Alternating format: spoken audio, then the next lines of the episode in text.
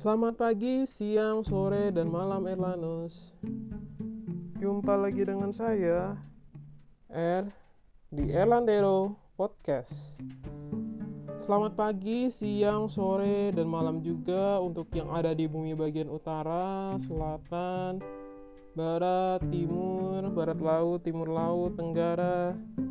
Semoga kalian semua baik-baik saja di mana pun kalian berada Ya, siapa tahu ada Irlanus yang mengalami perubahan zona waktu selagi mendengarkan podcast saya. Atau mungkin aja ada yang lagi di luar negeri, masih di alam mimpi. Hmm, bisa jadi juga ada makhluk astral yang mendengarkan. Ya, mungkin, mungkin saya cuman lihat dari storynya Kak Piara ya dari dari cewek indigo.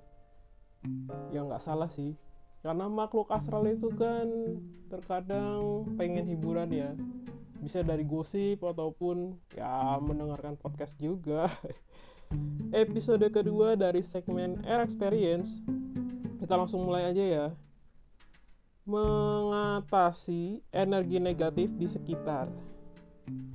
Ini nih segmennya nih bahasannya nih. Pernah nggak sih kalian saat berada atau lewat di suatu tempat merasa nggak enak bahkan di rumah sendiri hmm, seolah-olah serasa nggak betah di tempat itu atau yang kalian kenal ya tempatnya Hari ini saya akan membahas pengalaman saya dan tips untuk merasakan serta menetralisir energi negatif di sekitar kita. Tips ini sederhana sih, bisa dipakai untuk semua orang ya. Tentunya diperlukan nyali yang benar-benar gede. Yang penakut disarankan jangan melakukan atau coba-coba kayak saya bilang di episode sebelumnya. Banyak dari kalian mungkin kesulitan mempercayai bahwa energi dari orang lain dapat disimpan dalam ruang fisik. Banyak orang juga mengalami kesulitan percaya bahwa getaran yang kita bicarakan sangat nyata. Energi yang begitu nyata. Tentu sebagai makhluk hidup atau manusia, kita adalah makhluk energi dan kita terus menyerap serta mengeluarkan energi. Proses ini terjadi terus-menerus bahkan saat kita tidur. Wajar banget jika energi yang kita berikan akan mempengaruhi lingkungan sekitar. Itulah kenapa saya bilang bahwa kita semua bisa merasakan getaran suatu ruangan yang gak begitu bagus.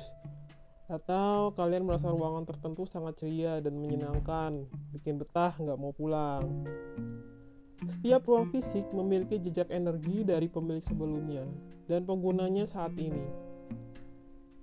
Jika seseorang menghabiskan 8-10 jam setiap hari, meluapkan emosi nggak puas di ruangan mereka, ruangan itu akan menjadi sumber energi negatif.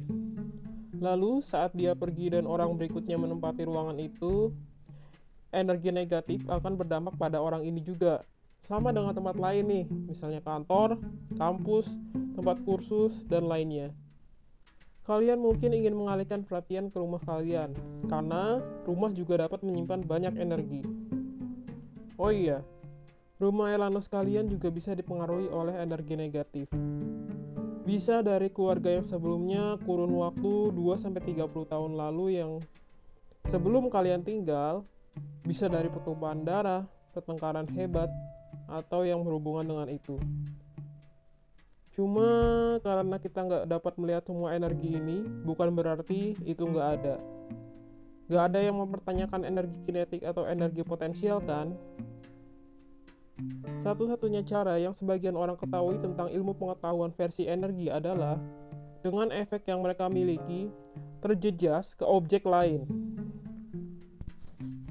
Kita emang nggak pernah melihat ya energi itu sendiri, tapi kita dapat melihatnya dalam bentuk aksi. Namun, kalau kalian berhati-hati, kalian akan menyadari bahwa kamu dapat melihat efek energi yang disebabkan oleh emosi manusia juga. Seperti saya sebutkan sebelumnya, kadang-kadang saat kamu berjalan di kamarmu, tiba-tiba merasa semua bahagia.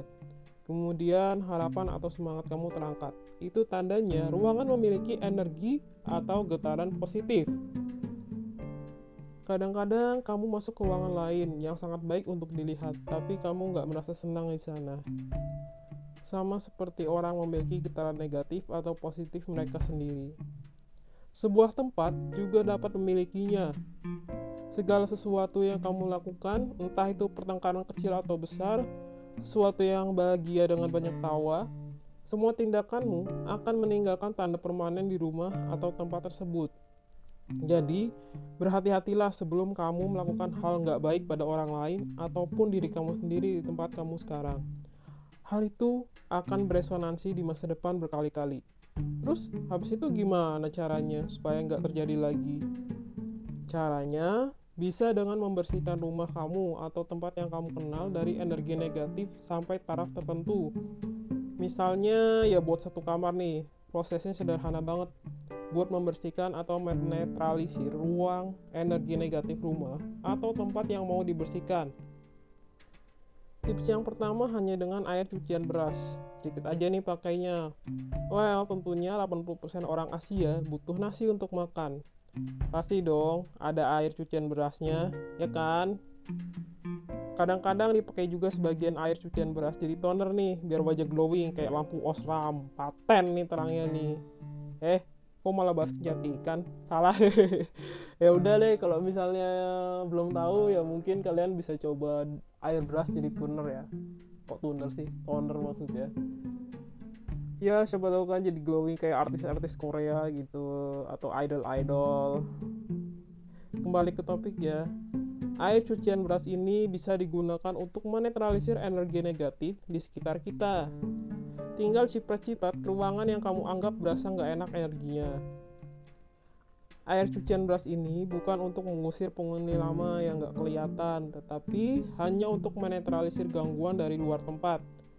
Contohnya nih, ada yang nggak suka sama kamu, lalu berniat mencelakakan kamu via orang lain atau santet online karena udah dapet data kamu dari medsos misalnya itu masih bisa dengan mencipratkan air besar ah, air besar sih air beras sorry. Ke ruangan yang dirasa membuat nggak betah atau panas. Tips kedua air doa sesuai keyakinan masing-masing sama caranya dengan yang pertama. Cipratkan ke bagian yang kalian rasa butuh dinetralisir. Cara ini lumayan ampuh buat menetralisir gangguan haters rahasia kalian yang menyerang secara supernatural dan tentu saja efeknya lebih kuat daripada air beras yang lebih diutamakan. Untuk serangan ringan. Tips lainnya, kamu cuma membutuhkan sedikit cuka putih, sedikit garam, dan sedikit air yang disaring. Apa ya istilahnya? Air galon mungkin ya. Kamu bisa menggunakan bahan-bahan ini untuk membuat semacam perangkap energi praktis yang akan menetralisir energi negatif ruangan sampai batas tertentu. Caranya ambil gelas bening. Gelasnya harus bersih ya. Kalau kotor cuci dulu supaya kamu bisa lihat nih. Masukkan 2 sendok makan cuka putih ke dalamnya. Setelah itu tambah 2 sendok teh garam laut. Itu loh yang garam kasar tuh. Tahu kan garam grosok? Cek Google atau e-commerce aja deh biar gampang ya. Tahap akhir, masukkan segelas air, lalu aduk semuanya selama kurang lebih satu menit. Lebih juga boleh kok, cuman umumnya satu menit. Kemudian tempatkan gelas di area mana saja di rumah atau tempat kamu inginkan, lalu biarkan di sana selama 24 jam. Nantinya, kalian akan lihat kalau garam yang sebelumnya telah terangkat naik, setelah menyerap energi kurang baik semuanya berada di bawah. Itu berarti garam tersebut telah menangkap energi negatif sekitarnya. Kamu bisa mengulang buat ruangan lain nih.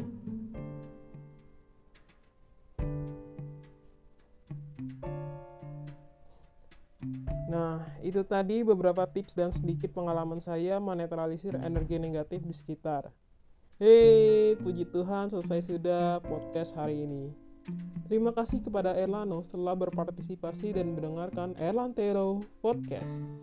Semoga apa yang saya sampaikan bermanfaat untuk kalian semua dan menjadi pengetahuan baru.